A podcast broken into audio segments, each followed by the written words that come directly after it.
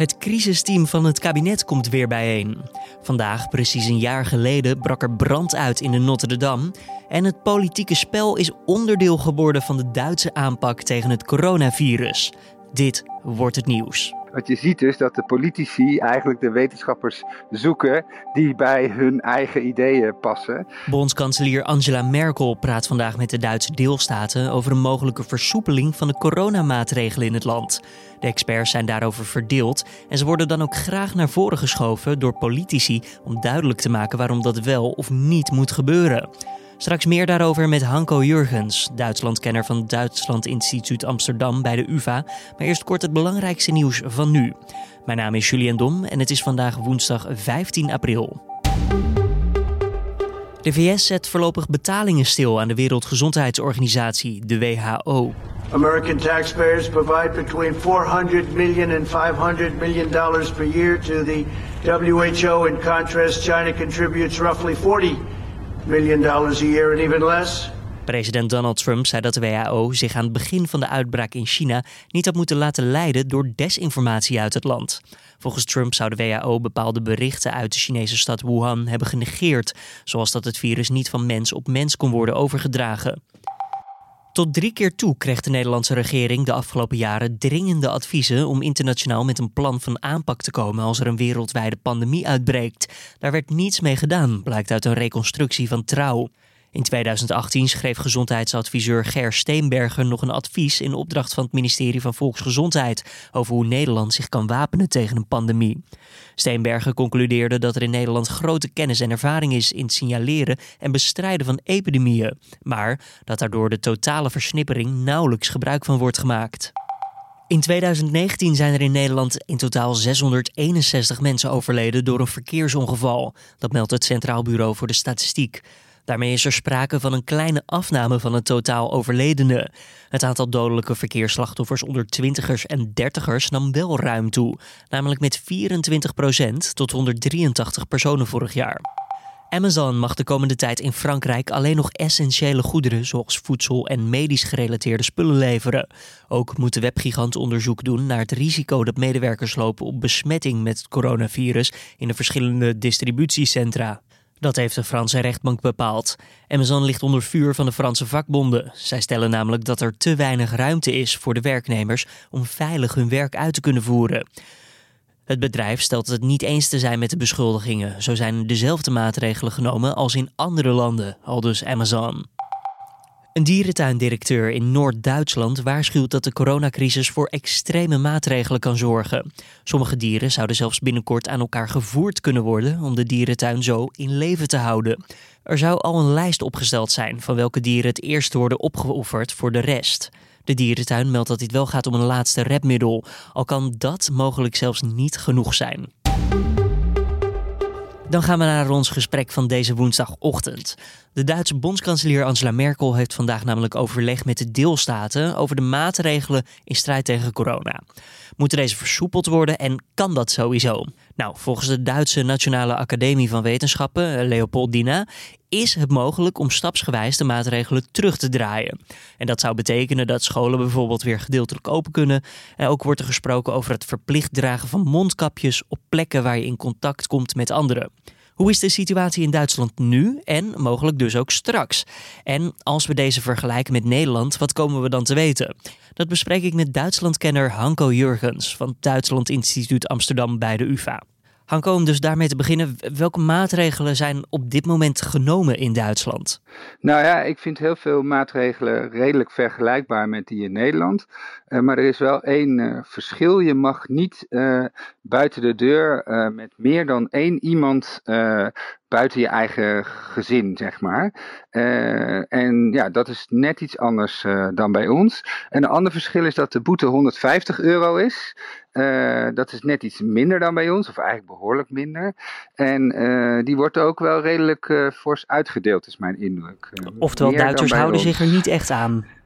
Nou, ik, ik heb zelf heel erg het gevoel dat het heel vergelijkbaar is. Op sommige plekken Uh, Strand in Hamburg, daar was het te druk. Ja, uh, en dat hebben wij ook. Wij hebben ook gewoon sommige plekken waar het veel te druk is. Maar op andere plekken houdt men zich er eigenlijk heel erg goed aan. En dat merk je ook wel uit alle uh, besprekingen in de media. Dat er mensen, en uh, natuurlijk ook aan, foto's van lege steden en zo, die uh, bevestigen het beeld. Dat mensen toch wel redelijk, zich toch redelijk aan de, de, de maatregelen houden. Als we even kijken naar het dagelijkse leven bij onze oosterburen, in hoeverre is daar nog ja, sprake van dan op dit moment? Wat u zegt al eventjes, ja, spooksteden, lege straten. Ehm, wat gaat er nog wel gewoon door?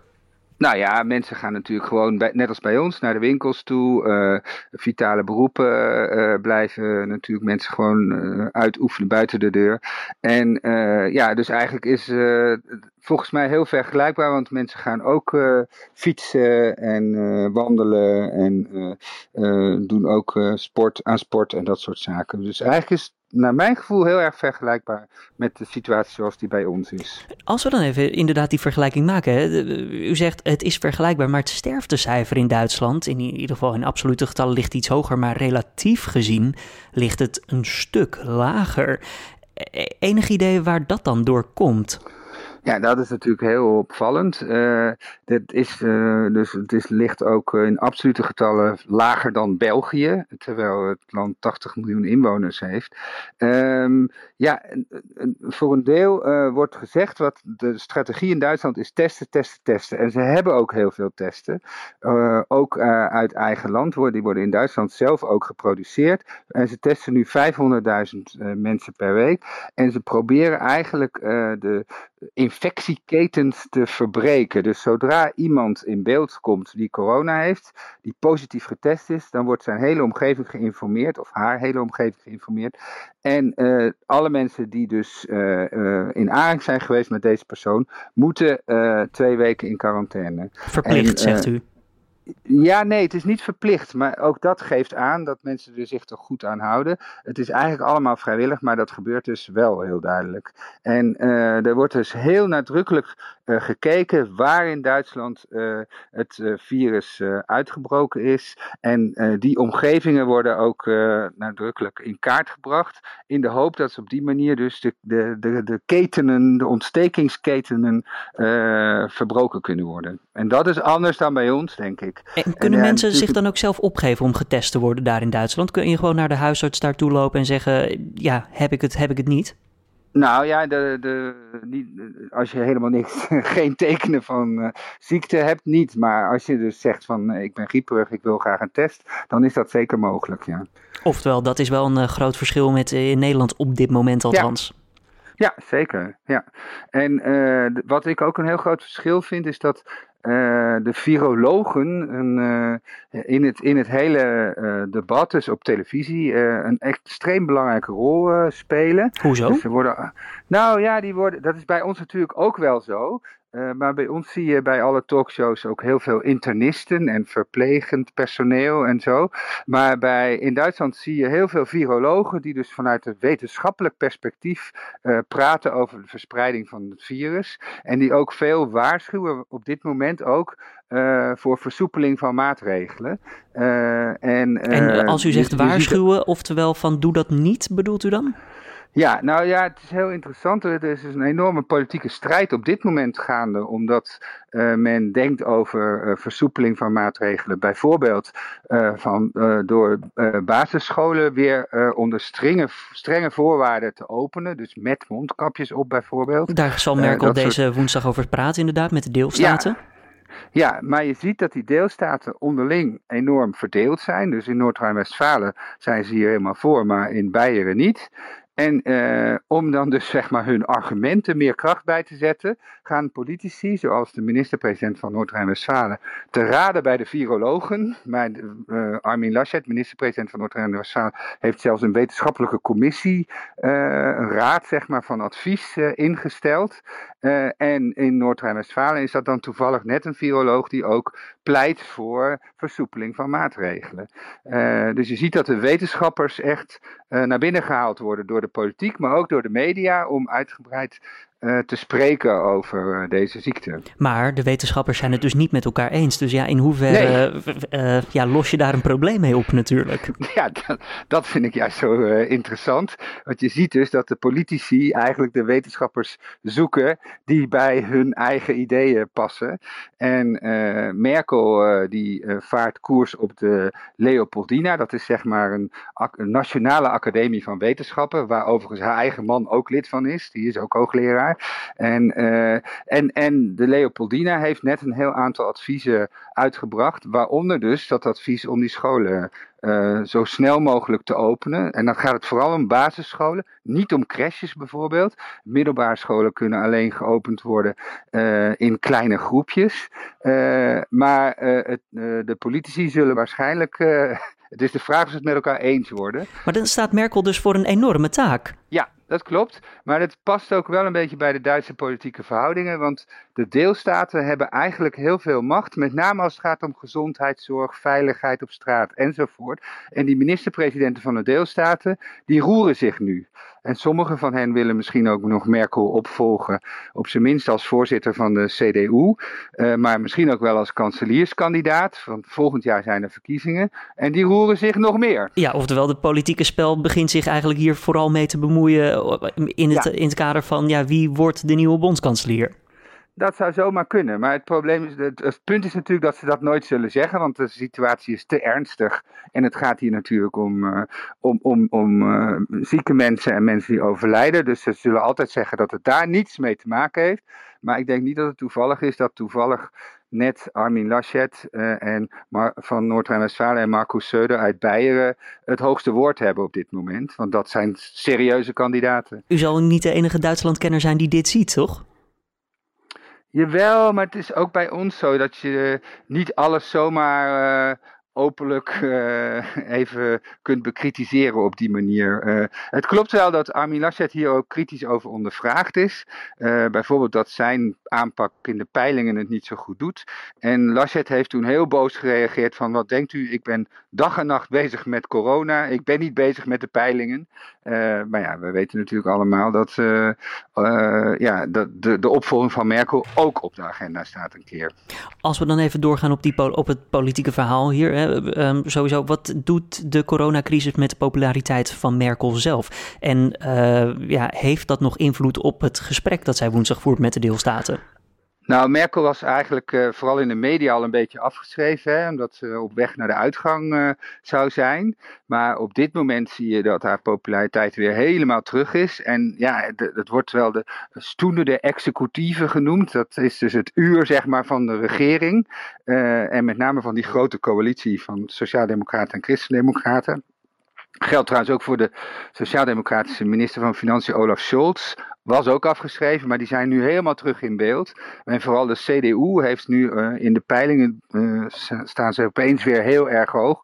Dus het vertrouwen in Merkel is echt heel groot. Uh, Merkel is natuurlijk ook echt zo'n een crisiskanselier. Hè? Dat, ze heeft al eigenlijk sinds 2008 de, de, de kredietcrisis uitbrak, is ze alleen maar bezig geweest met allerlei crisis te bezweren. En dat lijkt ze goed te kunnen. We moeten natuurlijk wel even zien hoe dat dan achteraf is uitgepakt. Maar maar op dit moment zien we inderdaad dat de cijfers in Duitsland uh, in vergelijking met veel andere landen heel hoop, hoopgevend zijn. Concluderend dus, uh, dit kan in haar voordeel werken om de maatregelen te versoepelen in Duitsland.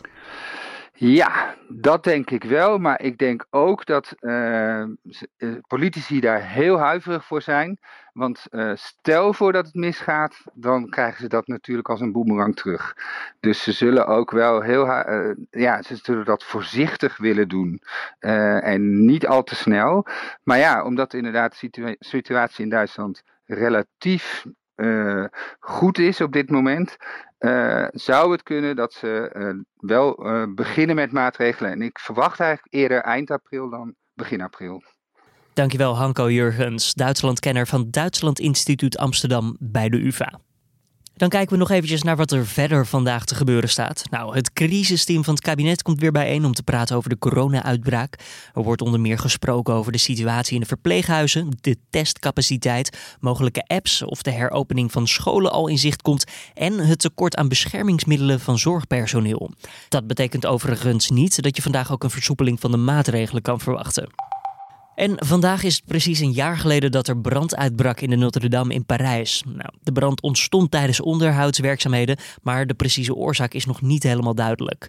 De bergingswerkzaamheden en de wederopbouw gaan nog jaren duren, maar ze hebben nu al maanden vertraging opgelopen. Eerst door giftig lood dat vrijkwam bij de werkzaamheden en nu ook vanwege de Franse lockdown door het coronavirus.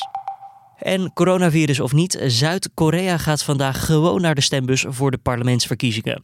Al is het misschien niet helemaal zoals dat gewoon zou zijn, want er zijn wel degelijk voorzorgsmaatregelen genomen tegen de verspreiding van het virus. Als je wil stemmen, dan wordt je temperatuur gemeten, je handen worden schoongemaakt en je moet plastic handschoenen aan wanneer je een stembriefje in de bus doet. En natuurlijk niet te vergeten, de mensen moeten ook daar afstand houden van elkaar. Dan het weerbericht voor vandaag. De woensdag begint koud door nachtvorst, maar uiteindelijk volgt er een zeer aangename dag. De zon zal namelijk uitbundig schijnen. Met al dan niet te veel wind loopt de temperatuur snel op tot zo'n 18 graden op een aantal plaatsen in Brabant en Limburg. Alleen bij de Waddeneilanden voel je nog wat wind. Het gaat dan om een matige westenwind. En het wordt daar maximaal dan zo'n 14 graden. En als we naar morgen kijken, dan verandert er weinig aan het rustige lenteweer. Om af te sluiten nieuws over Joe Exotic, de hoofdrolspeler van de Netflix-documentaire Tiger King. Die heeft namelijk vanuit de gevangenis een boek geschreven over zijn jeugd. Zijn echtgenoot Dylan Passage noemt de memoires van de voormalig dierentuineigenaar tragisch tegenover het Amerikaanse blad People.